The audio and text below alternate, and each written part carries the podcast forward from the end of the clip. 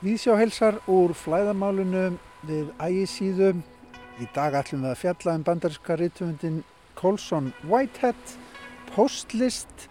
Við heyrum rítdóm um bók Sofíu Auðar Birgistóttur og bók vikunar að þessu sinni er Sleftu mér aldrei.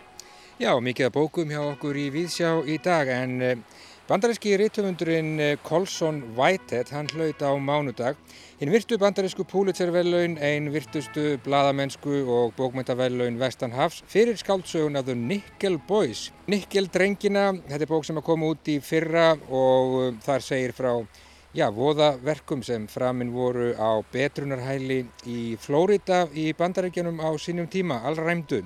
Þetta er annað sinn sem að Whitehead fær Pulitzer-vellunin í flokki bókmynda Það hafa einungis þrýr rítumundar afreikað áður, bandarísku rítumundarnir Booth Tarkington, William nokkur Faulkner og John Updike. Whitehead fekk eh, Pulitzer-velunin fyrir skáldsöguna The Underground Railroad sem kom út árið 2016. Hann er margvelunaður 50 að aldrei fættur í New York en eh, áður þá hafði bandaríska tímariti Time útnefnt The Nickel Boys eina af já, merkustu bókum síðasta áratögar, hvorki meirinni minna. Við segjum frá þessari merku skáldsöguður Nickel Boys og höfundunum Colson Whitehead sem er funheitur í Víðsjá í dag. Fyrir svörum verður Árni Mattíasson, bladamæður og fyrirverandi bátsmæður. Við fjöldum líka um fyrirbærið postlist og meinta endurrist slíkrar listar á tímum veirunar. Það berast fréttir frá bandaríkjunum um að nú séu listamenn þar í landi gríð og erg að senda myndlist sín á milli. Já og Björn Þór Viljámsson, bókmyndagaggrinandi, hann ætlar að fjalla í dag um uh, nýlegt sapn Rittdóma Sofju Auðar Birgistóttur, Matama Kerling, Fröken Frú heitir uh, það. Uh, konur í íslenskum samtíma bókmyndum, það er uh, undir titillin, uh, þetta er bók sem að koma út á síðasta ári og Björn ætlar held ég jafnframt að nota tækifæri til þess að um, tala svo litið um stöðu íslenskrar bókmenta rýni. Svo er það bók vikunar hjá okkur á ráseitt sem að þessu sinni er skaldsagan Sleftu mér aldrei eftir breskar rítöfundin Kazuo Ishiguro. En bókin kom fram árið 2005 og eh, var sjötta skaldsaga höfundarins sem að hlaut jú Nobelsvælunni bókmyndum árið 2017. Hlustendur heyra í dag í þýðandabókarinnar Elisvi Björguð Þorsteinstótt. En já, ljóð fyrir þjóð í dag. Jú, það er Þórei Birgistóttir, leikona, sem að les fyrir okkur ljóðið Palli var einn í heiminum eftir Þóran Eldjátt. En fyrst ætlum við að huga að sendingu sem að, já, best utan á heimi, eða hvað? Gjör svo vel.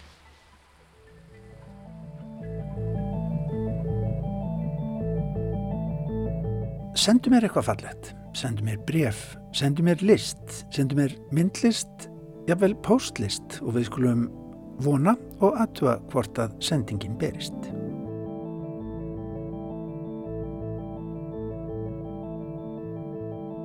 Myndlistar dagblæðið The Art Newspaper greinir frá því í gær að ný endurreist sé að hafinn í ákveðinni tegund myndlistar, að minnstakosti í bandaríkjónum og mögulega víðar endurreist í svo kallari postlist eða mail art eins og fyrirbriðið heitir upp á ennsku.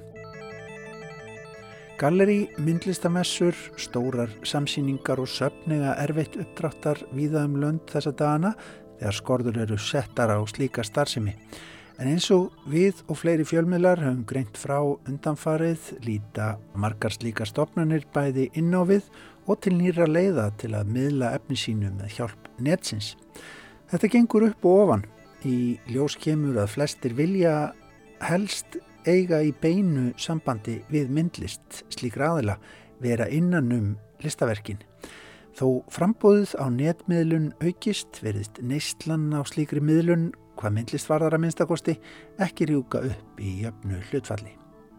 En gott og vel, The Art Newspaper segir að hópur listamanna hafi ákveði frekar að nýta sér lít tæknivæta meðlunarleið á þessum tímum, nefnilega bandarísku póstjónustuna til að senda myndlist vítt og breytt um heiminn, deilenni og búa til tengingar í einangrun dagana.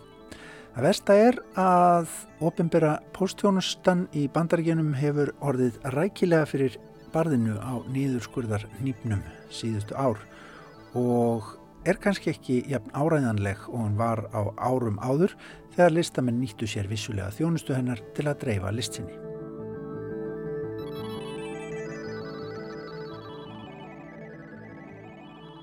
Postlist vex fyrst og dafnar í tengslu við hugmyndalistina og fluxuslistina á sjönda áratögnum.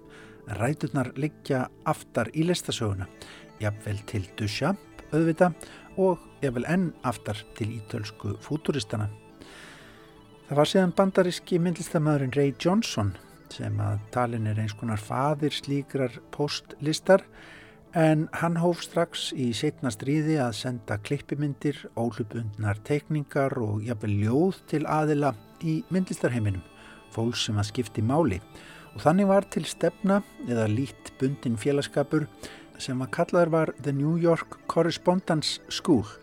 Nafn þessa óformlega skóla eða reyfingar ekki alveg rétt stafsett en það var með ráðum gert í leiknum sem að ætla var að einkennast líka listiðkun postkort, pakkar, fögs síðan, tölvupóstur og blogg með listrætni meiningu og merkingu hafa síðan sprottið upp úr þessu og postlistinn er því eins konar móðir netlistarinnar eins og við þekkjum hann í dag.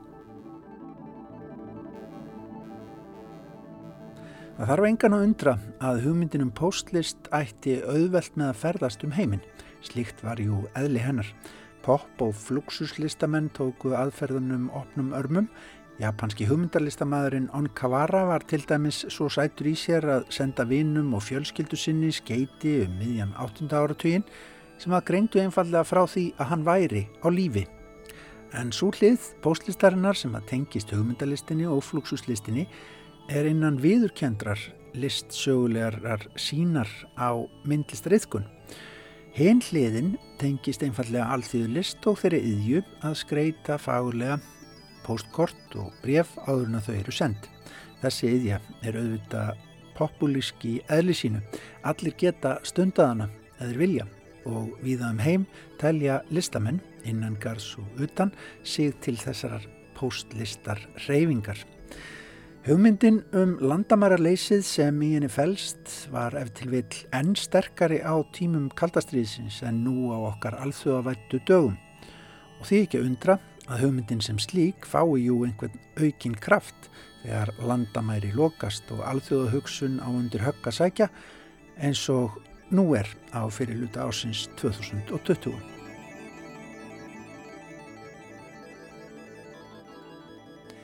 Í gegnum tíðina hefur postlist verið ímiskonar, postkort og bref, pappirsverk ímiskonar, klippiverk, nótkunn á ímsu fundnu og endur unnu efni, stimplar eru mikið teknir, fjöldaframlendir og búnir til af listamannum og svo er málað og teiknað með ímsum hætti. Ljóðlist send út um allt, jafnvel tónlist og hljóðverk. Plástrar, peningarsæðlar, aðgöngumíðar, limmiðar, kort og tækniteknikar allt virkar sem efni viður og jú, líklega bara allt sem að postburðarkerfin eru tilbúin að taka við. En þar likur kannski hundrun grafin einmitt á okkar dögum, tölvu posts og landamæra lausra stafrætna samskipta. Postburðarkerfin hafa jú átt undir högg að sækja víða um lönd undafarið. Saga postlistarinnar hefur einkjænst af leik og það var ekki að undra að hún heitlaði margan fluxus listamannin á sínum tíma. New York brefaskólinn áðurnemdi náði aldrei mikill í hilli en samt var þessari listmiðlun miðlað árið 1970 með síningu í Whitney-safninu í New York. Í típiskum hæfilega kaltæðnum framúrstefnu anda sendi uppafsmaðurinn Ray Johnson síðan minningargrein um stefnuna og skólan til minningargreinadeildar New York Times árið 1973. Blaðið vildi einhver hluta vegna ekki prenta greinina um dauða póslistarinnar en höfundrin deildi henni vitanlega með sínum hætti, auðvitað jú með pósti og breytti svo ekki neinum, hjælta áfram að nota postlistina sem aðferð í verkum sínum. Viðaðum heim eru starfandi listamenn sem hafa áratöfum saman notað sér slíka tækni og eru í dag sérfræðingar í sögu postlistar. Hugmyndirnar dreifðust víða og á 8. áratugnum var postlistin í raun alþjóðavætt áður en að alþjóðavæðingin kom almennilega til sögunar. Þýsku listamæður Hans Werner Kalkmann síndi til dæmis postlist í Galeri Sum í Reykjavík snemma á 8. áratugnum og á 9. áratugnum er nokkuð fjallað um postlist í íslenskum fjölmilum sér maður á tímarat.is. Til dæmis fjallar Gunnar Harðarsson um hana í grein í tímariti Máls og menningar árið 1985 í tengslum við íslenska bóklist í grein sem að Gunnar kallaði Trönurnar fljúa. Þar nefnir hann postlist Stengrims Eifjörð Krismundssonar, Helga Þorgils Fríðjanssonar og Magnúsar Vaff Guðlókssonar sem dæmi.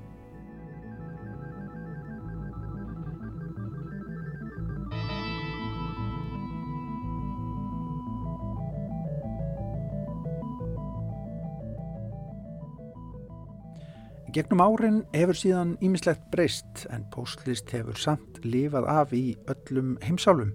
Á tíunda áratugnum tóku ungu bresku listamennir allræmdu slíka tækni í sína nótkunn til dæmis við að vekja aðtekli gaggrinenda á einn listsköpun. Og nú greinir því Art Newspaper frá aukningu í þessu, að minnst ákvæmsti Vestanhafs, eins og áður kom fram. Talað er um líðvæðingu listarinnar og mikilvægi þess að viðhalda tengslum í listalífinu. Galleri til dæmis eitt slíkt í Ókland í bandarækjunum hafa kallað eftir slíkum sendingum frá listamönnum og gallerið í Ókland mun til dæmis halda síningu á því sem að kemur upp á grafsinu í gluggum sínum. The Art Newspaper heyrir líka í myndlistamannum Chuck Wells sem að bjóð til sérstök COVID-19 frímerki Þau gerði hann sem viðbrað við eigin reyði yfir því að dóttir hans ringdi í hann frá New York, saðist vera með veruna en ekki geta gengist undir sínatöku. Frímerkin eru svört með hvítum stöfum, þar stendur COVID-19 Cultures, Gums Site, Lick at your own risk. COVID-19 menning, góm hliðin, sleikið á eigin ábyrð.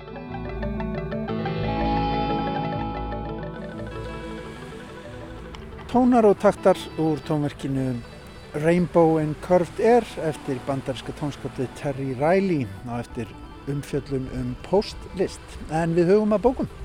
Já, við ætlum að huga næsta að bók sem komið út á síðasta ári. Hún heitir Madama Kerling Fröken Frú og um, er eftir Sofíu Auði Birgistóttur. Þetta er bók sem hefur að geima sapn rittdóma eftir hana.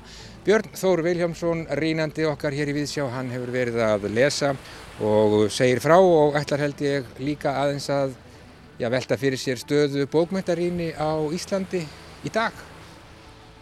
Sofía Auður Birgisdóttir kann vel að vera okkar fremstið þorbergsfræðingur en því til viðbótar hefur hún staði vaktina sem bókmæntagagrinandi í hátt á fjörða áratug.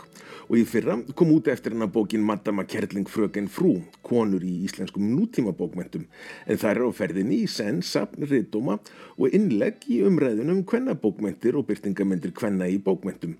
Það er sjálfgeft að sapn, riðdóma hafi á sér svona hildstæðan blæ, örlög bókmæntagagrinandans og löngum ferli eru gerðan þau að skrifa um mjög svo ósamstæðan flokk bókmæntaverka en um slíkt eru þó engin merki hér.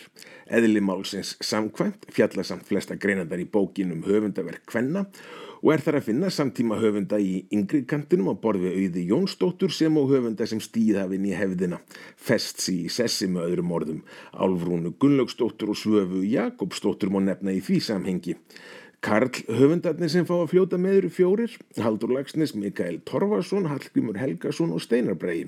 Viðvera Haldós og Hallgríms skýrist af Sölku Völku og konunni við þúsundgráður, stórum bókum um konur eftir Karl höfunda og engan þarf svo sem að undra að stríðis yfirlýsing Steinar Spraga og hendur nöðgunar menningu samtímans, Kata, standi hér innan um friðsamari samborgara sína blóðu í framann og hortnótt auðvita. En einhver gæti spurt sig hvaða erindi Sofja Auður gæti af áttið Mikael Torvarsson og læti næja hér að segja að þeirri spurningu er svarað með fullnægjandi hætti. En svo grein í bókinni sem mér fannst kannski mest til koma að öðrum ólöstuðum er svo sem fjallar um Elisabetu Jökulstóttur. Þarna fjallar Sofía um höfundarverk sem litla aðtikli hefur hlotið, nokkuð sem maður hallast jafnvel að því að tólka symptomatist eftir að hafa fylst með því hvernig Sofía dregur fram, þá kynja pólitísku aurun jafnvel uppreist sem í skáldverkum Elisabetar má finna. Ekki síst gegn þeirri karlveldis lægu hugmyndafræði sem bindur hugveru kvenna á klafa sjálfs haturs og úræðaleysis anspænis eigin líkama. Sofía tekur til máls.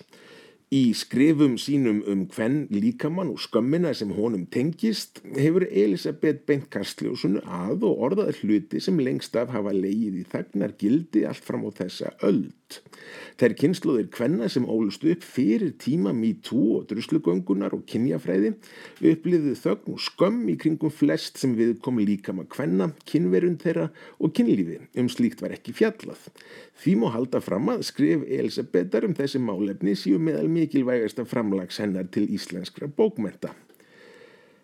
Það er líka svona sem á að sinna menningarlegu hlutverki bókmentagagrínandans. Verðskuldaðri byrtu er brúðið á merkan rítumund og með gaggrínu sögu sín er loðulagt á vogaskálar aukins skilnings á fortíðinni.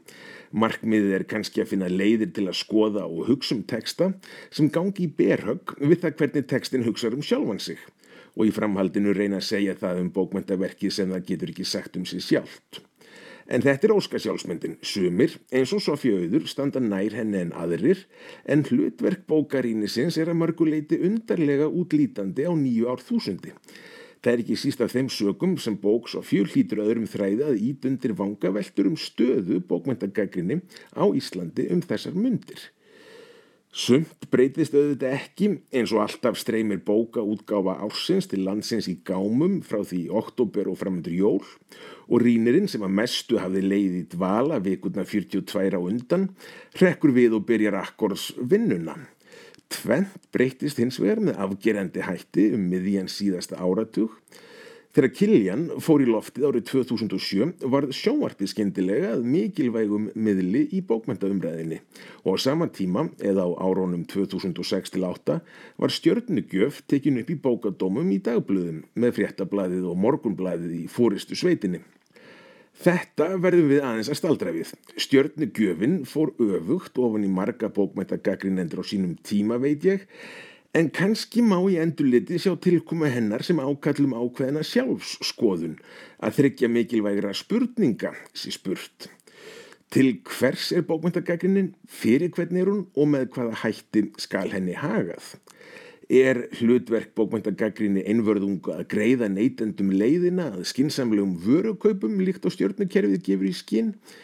Getur umræðan takmarka sig við gildismat, úrskurðum vondleika eða bókmentaleika í krafti smeks? Nei, auðvitað ekki eða hún ætti öllu falli ekki að gera það.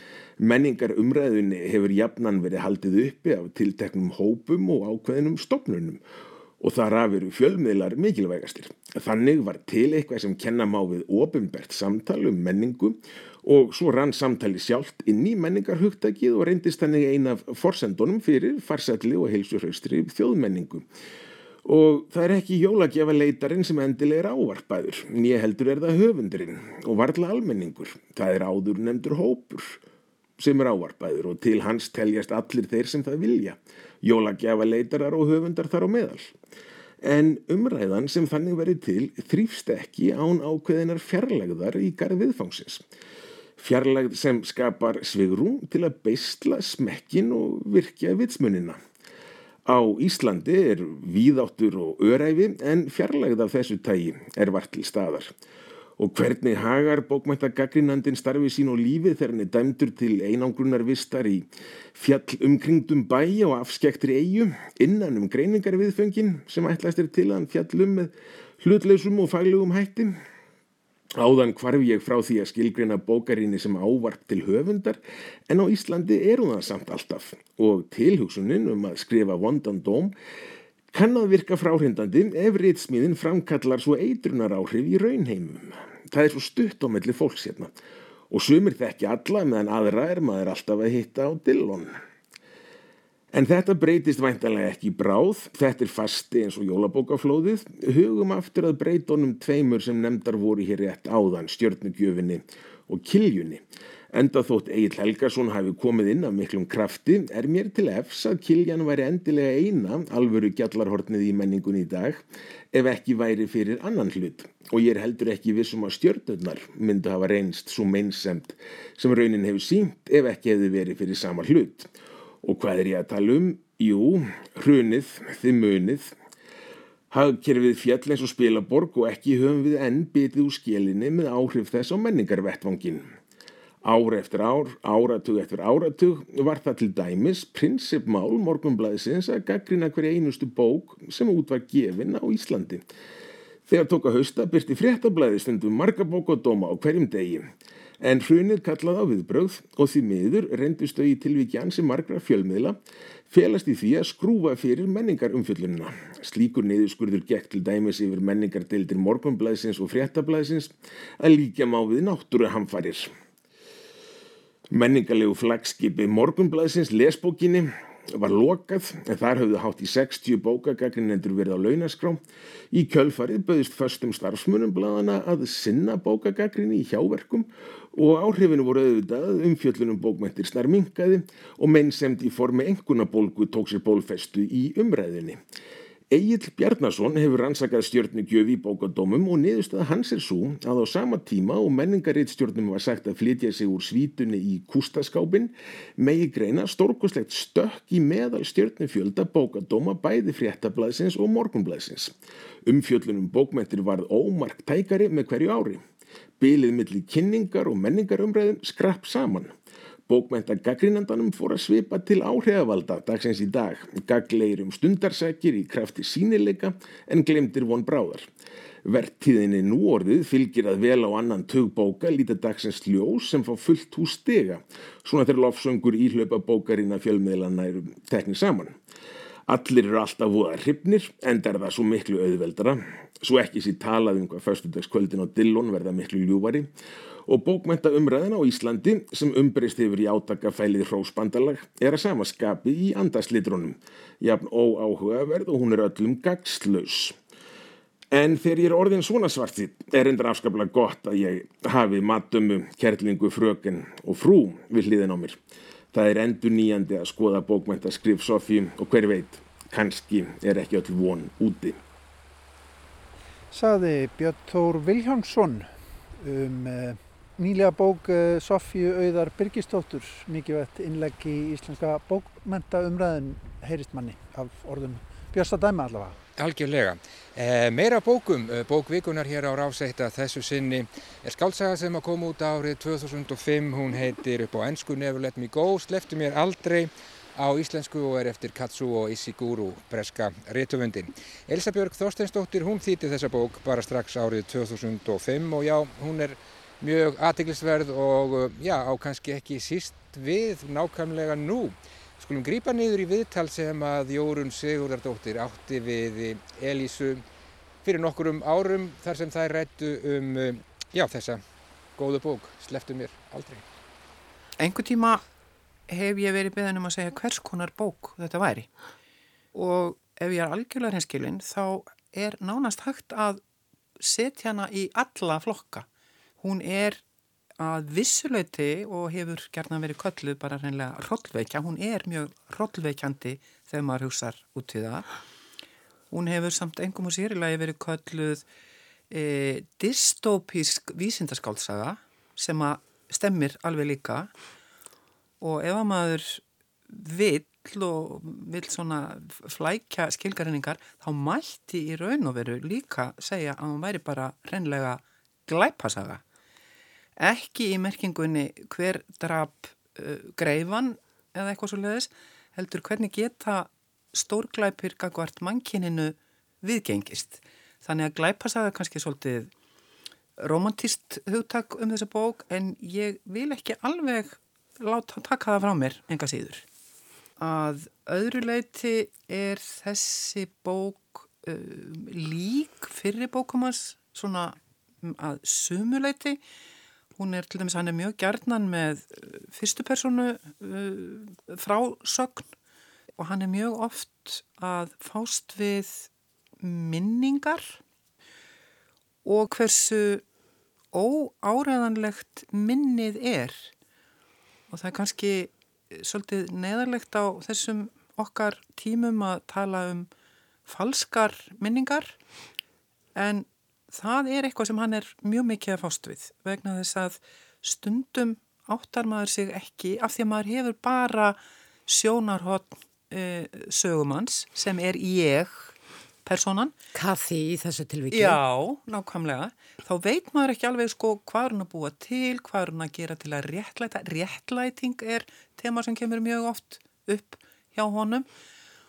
Allar þessar fyrir bækur að sleftu mér aldrei meðtalinni er að fást við minnið og réttar og rángar minningar og sjálfsréttlætingu og reyndar ef maður má vera smá hátilegur þá fást þær finnst mér allar um ábyrð á eigin gerðum og því hvernig maður er að reyna að réttlæta það sem maður gerði eða í semum tilkom gerði ekki og af hverju það var eina leiðin sem maður gætt farið. Og þá lagar maður kannski minningarnar sínar svolítið að því sem hendar manni best. Í rauninni er þetta náttúrulega ástarsaga líka. Og ástin skiptir þarna alveg feikla miklu máli. Og þá ekki bara uh, ást, sagt, kynferðisleg ást, ástmilli kals og konu eða, eða romantísk ást. eða romantísk ást eða hvað, heldur bara ástin yfir höfuð og uh, er sko greinilega mjög mikil þáttur í öllum bókunum hvernig, og sérstaklega þessari. En þetta er að sínuleiti greinilega æfintýra bók þú ætti að sé hróllveikjandi æfintýri mm. að því leiti að hún er tekin svolítið út úr þeim veruleika sem við þekkjum Já. og það sem er enkenandi náttúrulega fyrir þessar þrjár personur sem við fylgjumst með og fáum aðeins e, insýn í e, líf einhverja annara sem að e, fættust við þessar aðstæður mm -hmm. eða urðu til, urðu skulum við segja mm -hmm. að það er eiga sér hvorki forsögu, það er eiga sér ekki áa Nei. og þær munu ekki eiga sér afkomendur, þær eru eins konar punktur eða kassi í tímanum. Já, þeir eru raun og veru sko án sínilegs upphafs og án sínilegs endis eða framhals í merkingunni ákomenda og, og það vita þær til tölu að snemma sko og kannski þess vegna af því þær eru ekki náttúrulega inn í því sem að skilgrenir eh, fólk að svo stórum hluta sem er fjölskyldað einhvers konar þannig mengi. Mm. Þess vegna skipta líka sko til dæmis eins og þegar hún er að lýsa, hvað því er að lýsa uppvexti sínum, þá skipta þessir gæstlumenn sem þar eru svo gríðarlega miklu máli og eru einhvers konar svona ígildi fjölskyldu en þau, þeim er líka mjög meðvitað að þau eiga ekki fjölskyldu og er ekki alast upp eins og allir aðrir. Það er líka eitt af því sem gerir upphafs hlutan finnst mér svolítið óhugnanlegan, það er það að þau vita ekkert um heiminn fyrir utan. Mm. og þessi veruleiki sem þau alast upp í, hann er tilbúin, hann er gerfi veruleiki, náttúrulega fyrir öllum nema þeim.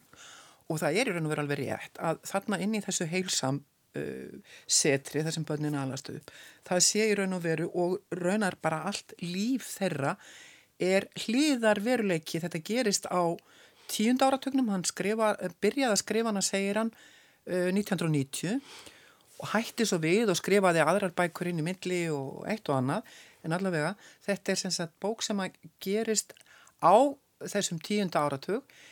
En heimurinn í kring er á einhverjum allt öðrum tíma. Þessi raunveruleiki þeirra hann stennst fullkomlega í sjálfum sér en hann á í raun og veru ósalega lítil tengsl út í hinn raunveruleikan Þetta eru stóra spurningar mm. samt sem eru þarna undirliggjandi misskipting, þannig er einhver elita sem nýtur þess að fá uh, líffæri úr öðrum uh, og geta þannig átt lengra líf, ég segi kannski ekki eilíft, en þetta tekur lífið frá þessum uh, göfurum og hins vegar þarna er klónun og á þessum tíma sem hann er að skrifa bókina eh, það eru reyndar einhverjir 10-15 ár frá því að, að eh, kindin, hvað hún hétt var klónuð mm. en þetta eru spurningar sem hafa löngum leitað á mannkynnið, þú veist, hvað við getum gert, en hann er ekki að taka afstöðu til þess á nokkuð þá. Nei, og það sem merkilegra er, sko,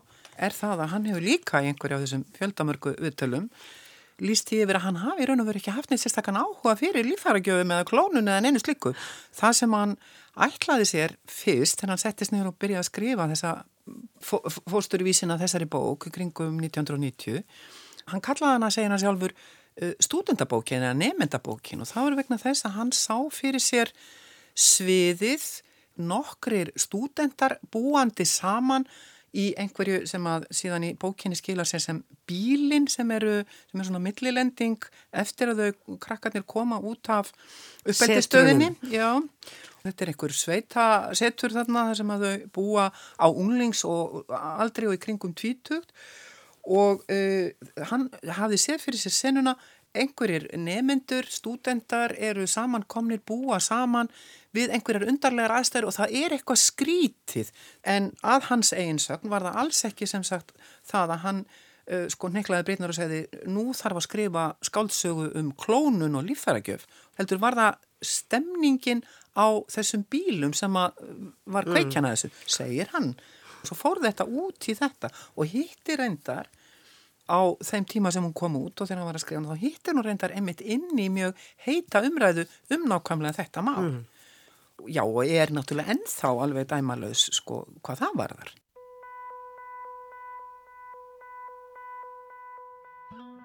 Ég kom fyrst á endurhæfingarstöðunina Rúþar, þessa nýtískulegu með kvítu flísalöðu veggjunum, aðeins fáinum vikum eftir samtalið við Lóru. Þetta gerðist um tveimur mánuðum eftir fyrstu líffaragjöf rúðar sem hafiði, eins og Lóra sagði, alls ekki gengið sem best. Þegar ég komin í herbergiðennar satt hún á rúnstoknum í náttkjólnum og brosti breytt til mín. Hún stóð upp til að faðma mig að sér en settist næstum samstundis aftur. Hún sagði að ég liti betur út en nokkru sinni fyrr og að klippingin færi mér mjög vel. Ég sagði eitthvað hlýlegt um hana líka og næsta hálftíman eða svo held ég að við höfum raunverulega glaðist yfir því að vera saman. Við töluðum um allt milli heimins og jörðar, um heilsam, bílin, það sem við höfum tekið okkur fyrir hendur síðan og mér fannst að við gætum talað enda löst. Þetta var með öðrum orðum reglulega uppörfandi byrjun, betri en ég hafi þórað að vona. Samt sem áður myndumst við þetta fyrsta kvöld ekkert á það hvernig viðskilnaður okkar hafi verið.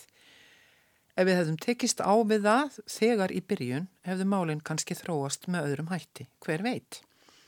Raunin var hins vegar svo að við letum það hjá líða og þegar við höfðum spjallað góða stund var eins og við hefðum komist að samkómulagi um að láta sem ekkert að því hefði nokkru sinni gerst.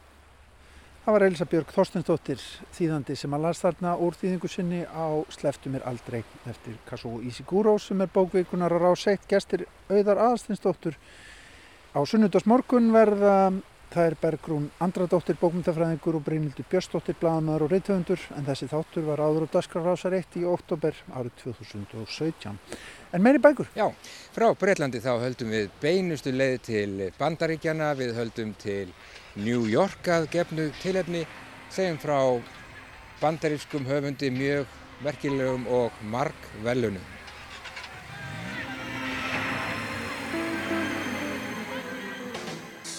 You know, when I was like seven or eight, I'm reading Marvel comics, thinking it'd be cool to write Spider-Man. That'd be a cool job. You know, it's sort of overcast outside today, and this is my perfect day growing up. Um, I could just watch Twilight Zone reruns on UHF, uh, read comics, uh, science fiction, and no one's going to say, can you go outside like a real boy and, and do sports or go swimming?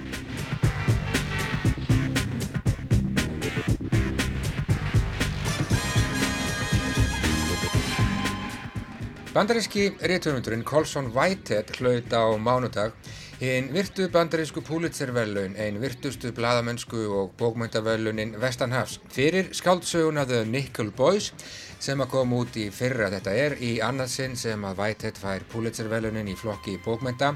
Það hafa engis þrýr réttöfundar afreikað áður bandarísku réttöfundarnir Booth Tarkington, William nokkur Faulkner og John Updike. My parents taught me that One, I can do whatever I want in the world if I put my mind to it.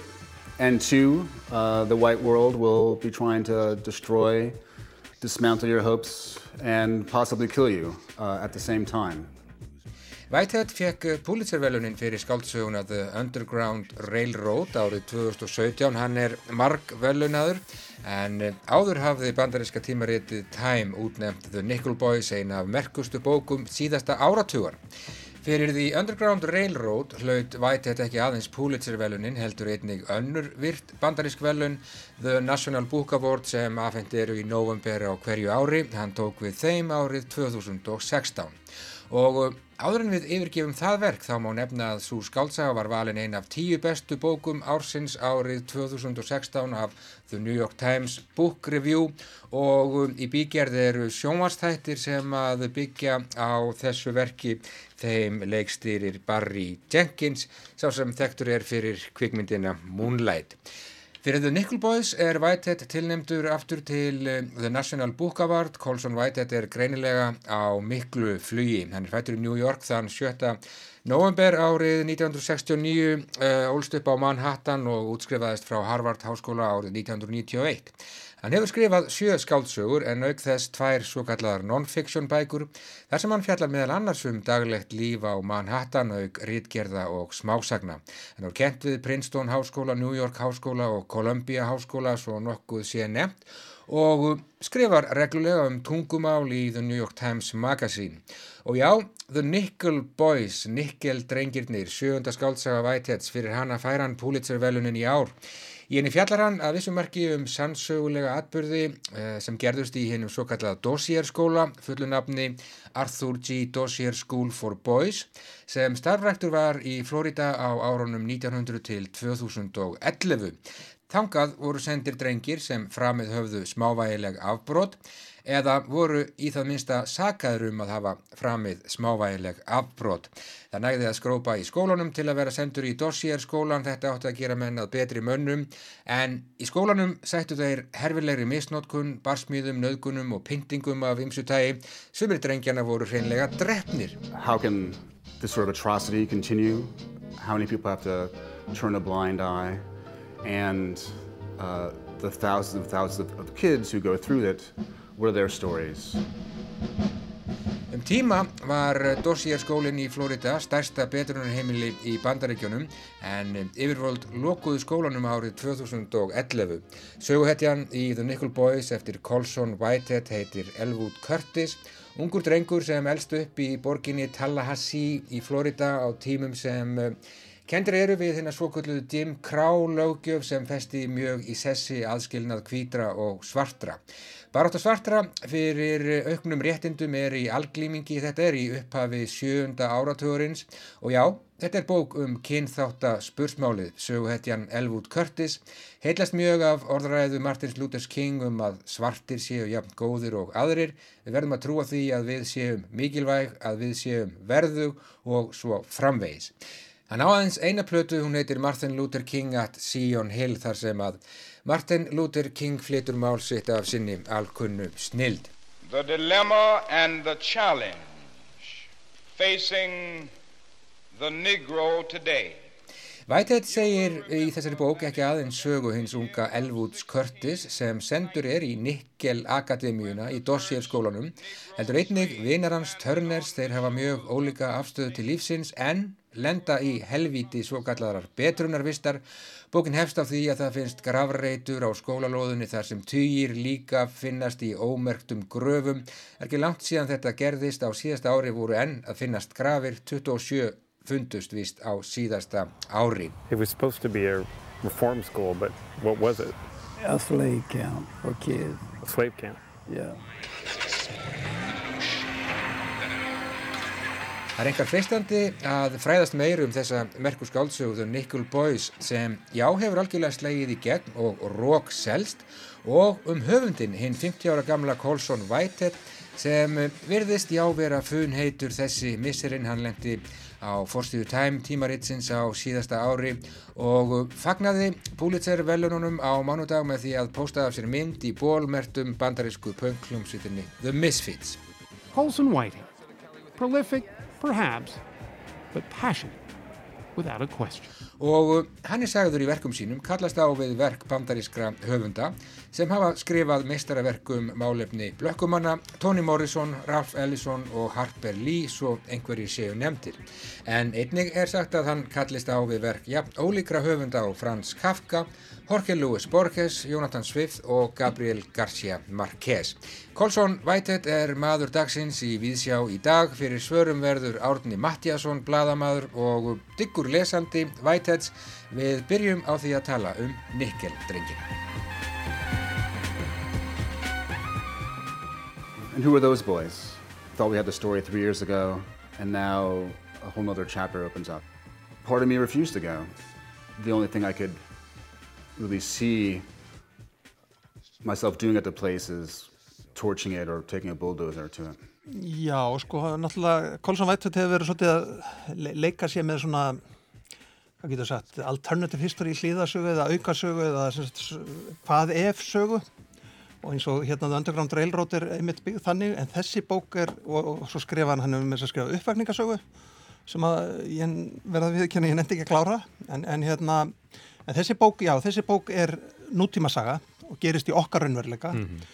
og byrjar sem sagt á, á sjötta áratögnum og nær fram til okkar sem sagt þessa áratugar.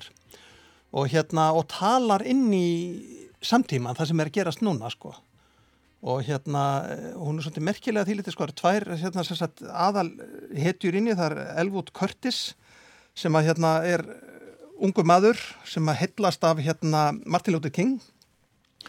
Og hérna hlusta ræður Martin Luther King alveg, amma skefur honum hérna plötu með Martin Luther King Já, hans eina, eina plata. Já, hans eina, hans eina plata og hann hlustar á hann aftur og aftur og aftur. Og hérna og svona sagt það færist þaðan sína innræting og uppeldi síðferðilega og hugmyndafræðilega uppeldi og tekur þátt þarna í barótettir á þeim tíma eins og ég segi þetta á sjötta áratögnum þegar að civil rights movement þegar að frelsins baróta svartra var hann á hámarki í bandaríkjónu sko. Já.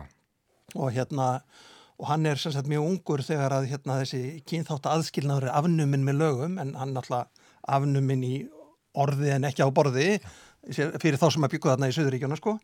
En hérna þannig að hann er svona byrtingamind uh, þessarar hérna hugsuna sko, eða þú ert, ert góður, eða þú ert þægur, eða þú ert duglegur að læra og ert klár og kurteis, að þá kemstu áfram í heiminum. Já, ég er eins góður og hver annar. Já, já, akkurat og það er sem að læra að náttúrulega hlusta þessu ræður, þessar ræður hérna, Martin Luther King er svolítið svona líkill að þessari bók sko og það er, þessi, það er þetta um sjálfsverðingu, þú verður semst að hafa sjálfsverðingu og þú þarf að hérna treysta sjálfan þig og það er sama hvaða ábeldi þið beitið okkur við munum ekki hætta að elska ykkur. Já, stingið okkur í fangelsi og við munum samt elska ykkur. Við munum samt og hérna lendir í þeim hremmingum að hann er hérna, hann er með bóðið að fara í skóla, þetta er náttúrulega á tímum alveg hrikalegs kynþátt aðskynnaðal og mikil kynþátt að hatturs og er svolítið svona, það er svolítið erfitt að lesa, lesa þá kabla en hann er bóðið sem sagt að fara í skóla sem hann þykkur og er á leiðinni þangað á puttanum og það stoppa bíl og tekur hann upp í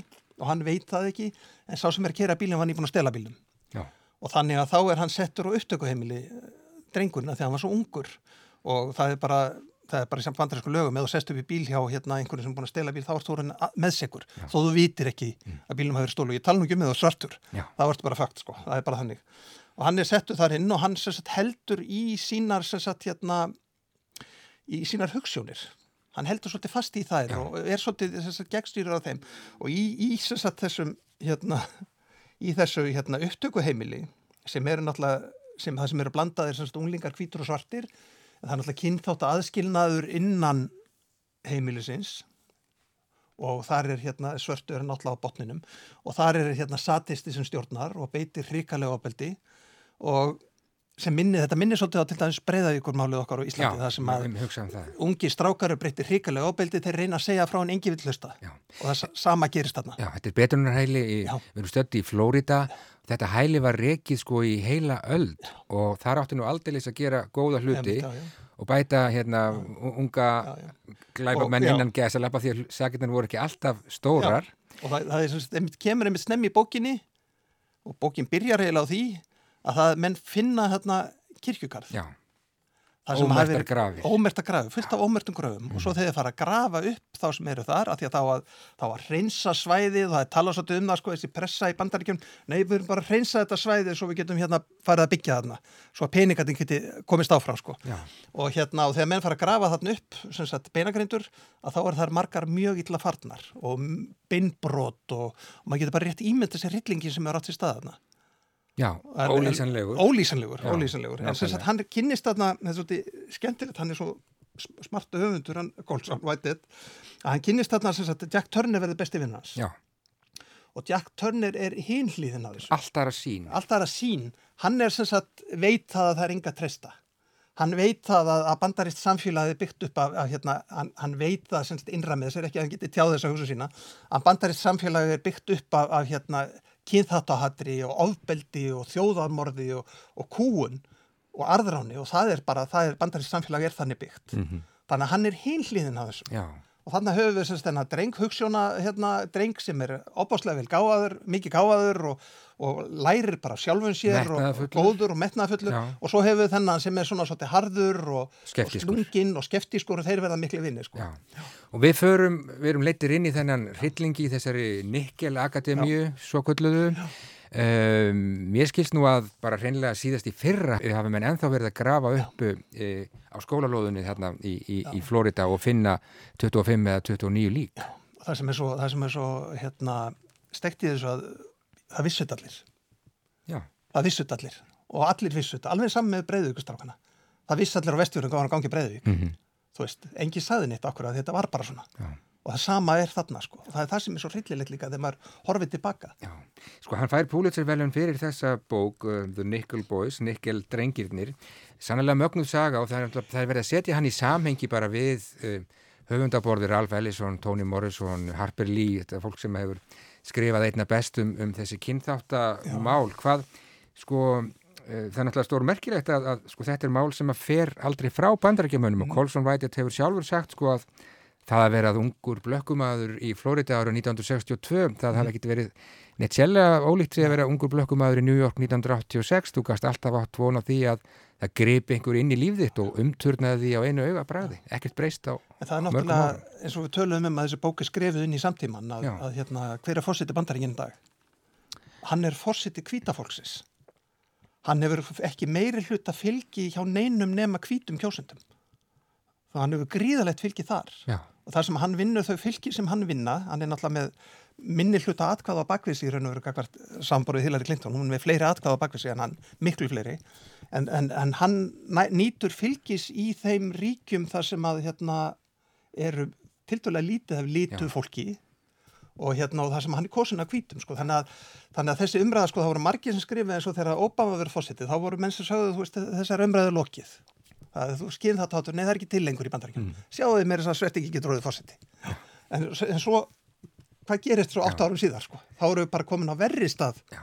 en áður sko, þannig að hann er að skrifa beint inn í það Beint inn í að- þennan samtíma. Beint inn í þennan samtíma Já. og hann er að sína einmitt þetta eins og þú segir réttilega að já, New York á nýjönda áratögnum sem að sagan best þangað að þá ert ekki örugur eða þú ert svartur og í dag, 2020, þá ert ekki örugur eða svartur Nei, nákvæmlega. vegna þess að hvena sem er getur í sérstaklega og byrði í, í semst ákveðinu fylgjum í bandaríkjónu sko. Já, talandum Barack Obama, hann mælti nú víst með þessari bók sem heitir The Underground Railroad sem kom út árið 2016 og já, eins og áður segir, þá fekk eh, Colson Whitehead eh, Pulitzer velun fyrir þá bók og National Book Award sömu leiðis. Sko, við hefum ekki langan tíma, Árni, en þessi maður er greinilega á miklu flugi Já, og ég hýtt að spyrja því hvers Já, já. vegna, hvað, Já, hvað gerir hann svona merkilega? Hann er náttúrulega, eins og við segjum, hann er að tækla þarna mjög erfið mál sem að bandarins samfélag hefur ekki viljað að horfast í augu við og þeir gera það mjög vel. En þessar bækur eru rosalega ólíkar eins og Underground Railroad er svona hliðarsaga, aukasaga, alternative saga. Það sem að hérna er í raunveru í staði fyrir hús sem að fólk var flutt á milli þá er raunveruleg neðajarðar jafnbraut Já. sem að berga. Fólk. Hún er, hún er skrifuð, hún er alveg gríðarlega vel skrifuð gríðarlega vel skrifuð, tæknilega séð opáslega vel skrifuð og, og hvernig fylgin sem að þrællin kóra fyrir gegnum verða tákmyndi fyrir bandari samfélag rosalega vel gert. Já.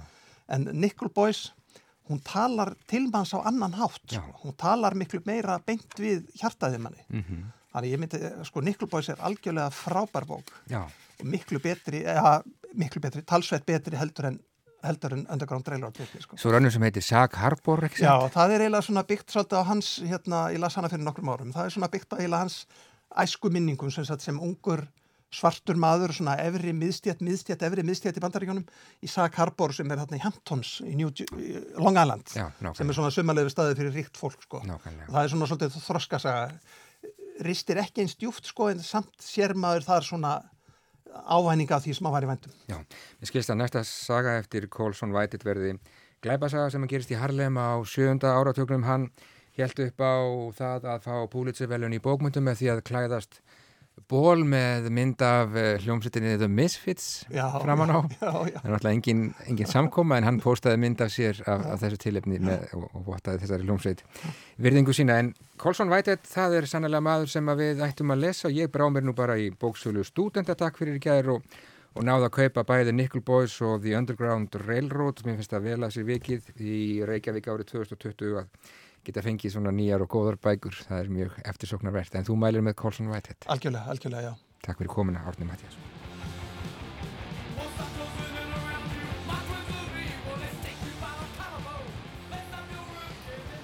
Já, hljómsveitin Misfits, punk hljómsveit frá New Jersey í bandaríkjónum. Spilum þetta sjálfsögðu fyrir Colson Whitehead sem að jáklættist ból sem að mertur var þessari hljómsveit þegar hann fagnaði því að hafa fengið Pulitzer-velun í bókmyndum á mánudaginn fyrir skáldsögu sína af The Nickel Boys. Algjörlega frábær skáltsaga, sagði Árni Mattíasson og já, ég held að það sé full ástæða til að já, hvetja lesendur til þess að aðtuga þennan höfund, tekka á Colson Whitehead, ég held að það sé algjörlega þess virði. En úr pöngi yfir í löglist. Ágæti leikúsgestur Haldur Eldjátt verðu hjartanlega velkomin í þjóðleikúsið. Vinsamlegast slögtu á farsímanum, þó svo ljós frá honum trubli ekki aðra gesti. Góða skemmtun!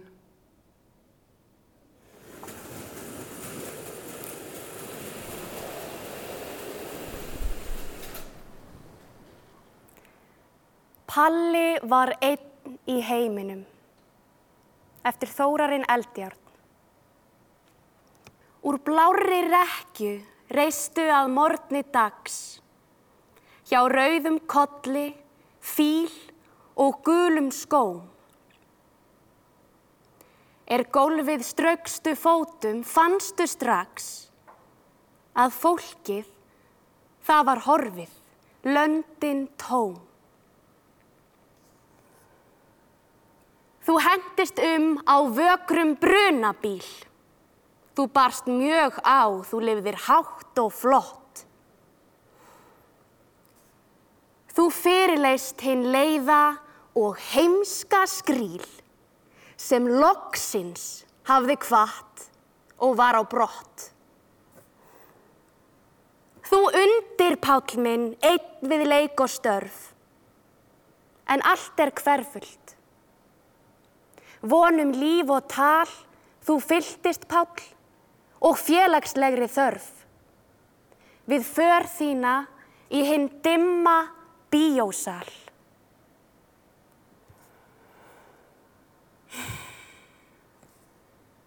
Ó palli minn, í dauðum hluta heimi, þú ringlaðir á tilgangslausu sveimi.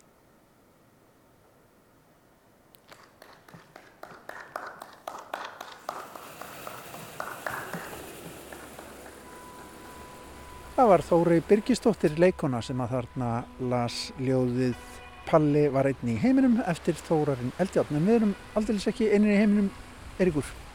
Við erum við hafið og höfum það gott. Það leiðis manni aldrei. Við erum búinir í dag, takk fyrir samfélgina, heyrumst aftur á morgun. Verðið sæl. Verðið sæl.